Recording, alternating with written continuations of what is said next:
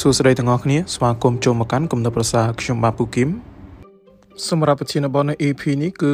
ការអាននាំមកនៅសេរីភាពដែលខ្ញុំបានដកស្រង់ចេញពីសភៅ1 1 equals 3របស់លោក Dave Trout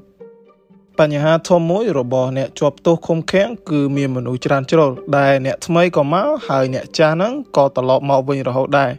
ហើយនេះគឺជាបរិបទរបស់ពួកគេបាទដោយសារតែពួកគេចំណាយពេលវេលាភាគច្រើនហ្នឹងគឺនៅជាមួយនឹងអ្នកទោសគ្នាឯងនេះឯង ចំណែកឯសំណួរនោះគឺថាតើអ្នកអាចផ្លាស់ប្ដូរបរិបទទាំងនោះដោយវិធីណា អ្នកអាចផ្លាស់ប្ដូរនៅចិត្តគំនិតរបស់ពួកគេ តាមវិធីណាហើយអ្នកអាចបង្ហាញពួកគេថាពិភពលោកខាងក្រៅនេះវាមិនមែនមានតែទោសឧក្រិដ្ឋទេ ដោយវិធីណាអញ្ចឹងពិភពលោកជាមួយនឹងភាពអាចទៅរួចការធ្វើអ្វីផ្សេងផ្សេងបានតើអ្នកអាចធ្វើឲ្យពួកគេនឹងឃើញរូបភាពនោះដោយវិធីណា នៅប្រទេសប្រេស៊ីលគេបានប្រើប្រាស់នៅសំណួរនេះរហូតដល់គេបានទទួលនៅចម្លើយគឺការរៀនដូច្នេះទើបពួកគេបានធ្វើនៅកម្មវិធីមួយដែលហៅថាការសម្រាលទោសតាមរយៈការអាន នៅពេលដែលអ្នកទោសបាទបានបញ្ចប់នៅសិភៅគេនឹងទទួលបាននៅការបន្ថយទោសនោះរយៈពេល4ថ្ងៃដែលសិភៅនោះមានដូចជាអក្សរសាស្ត្រទស្សនវិជ្ជាហើយនិងវិទ្យាសាស្ត្រ ដែលពួកគេត្រូវបានឲ្យចំណាយពេលមួយខែសម្រាប់អានវាហើយនឹងទៅសេនៅសំណេរដើម្បីបង្ហាញថាពួកគេពិតជាយល់មែនដូច្នេះក្នុងមួយឆ្នាំគេអាចអានបាន12ក្បាលដែលមានន័យថាអាចសម្រាលទោសដល់ទៅ7សប្តាហ៍ចំណែកឯអ្នកដែលជាប់ទោស7ឆ្នាំវិញគឺគេអាចសម្រាលទោសដល់ទៅជិត1ឆ្នាំឯណោះ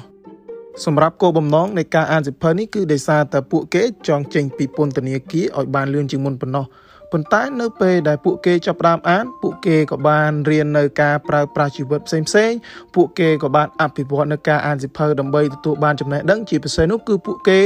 ឃើញថាពិភពលោកខាងក្រៅនឹងគឺពិតជាមានឱកាសហើយនឹងភាពអាចទៅរួចក្នុងការធ្វើអ្វីផ្សេងផ្សេងបានច្រើនណាស់លោក Andre Kati ដែលជាមេធាវីនៅ Sao Paulo គាត់បានបង្កើតនៅផែនការបរិច្ចាគសិភៅសម្រាប់អ្នកទោស ហើយគាត់បាននិយាយថាមធ្យោបាយនេះនឹងធ្វើឲ្យអ្នកដែលចេញពីពន្ធនាគារនឹងឃើញពិភពលោកជាមួយនឹងភាពភ្លឺថ្លាជាងមុនក៏ដូចជាធំធេងជាងមុនផងដែរអញ្ចឹងគ្មានអ្វីដែលត្រូវសង្ស័យទេដែលថាពួកគេបានខ្លាចជាមនុស្សដែលល្អជាងមុនលោក Evans James ដែលជាអ្នកកសែតនៅ Guardian ក៏បានគិតថាមធ្យោបាយនេះវាក៏មានប្រសិទ្ធភាពផងដែរពីព្រោះថាគាត់ធ្លាប់ជាអ្នកទោស ខាងឃាតកម្មបាទហើយនឹងបានប្រើប្រាស់ជីវិតរបស់គាត់នៅឯពន្ធនាគារអង់គ្លេស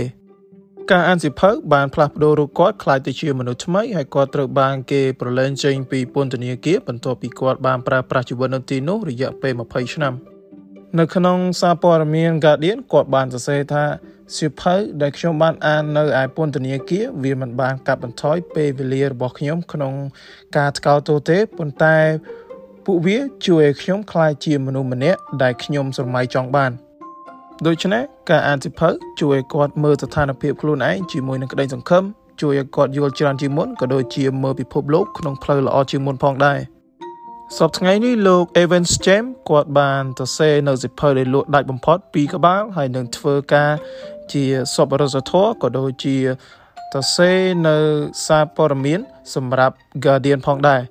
អ្វីទាំងអស់នេះកើតឡើងដោយចាប់ផ្ដើមចេញពីគាត់អានសិភៅនៅក្នុងពន្ធនាគារតែប៉ុណ្ណោះសរុបមកវិញគោលបំណងនៃពន្ធនាគារនោះគឺមិនមែនគ្រាន់តែយកមនុស្សមកឃុំឃាំងឡើយគឺវាគ្មានប្រសិទ្ធភាពទេប៉ុន្តែវាគួរតែជាកន្លែងដែលសម្រាប់ផ្លាស់ប្ដូរនៅអាកប្បកិរិយាវិញវាប្រសើរជាងចំណែកទី2នោះគឺថាការអានសិភៅវាពិតជាមានប្រយោជន៍ណាស់ដែលវាធ្វើឲ្យអ្នកឃើញពិភពលោកភ្លឺថ្លាជាងមុនទលំទលាយជាងមុនក៏ដូចជាឱកាសច្រើនជាងមុនផងដែរដូច្នេះចាំអីទៀតតោះយើងចាប់ផ្ដើមអានសិភៅទាំងអស់គ្នាសូមអរគុណពីខ្ញុំពូគឹមសូមជម្រាបលា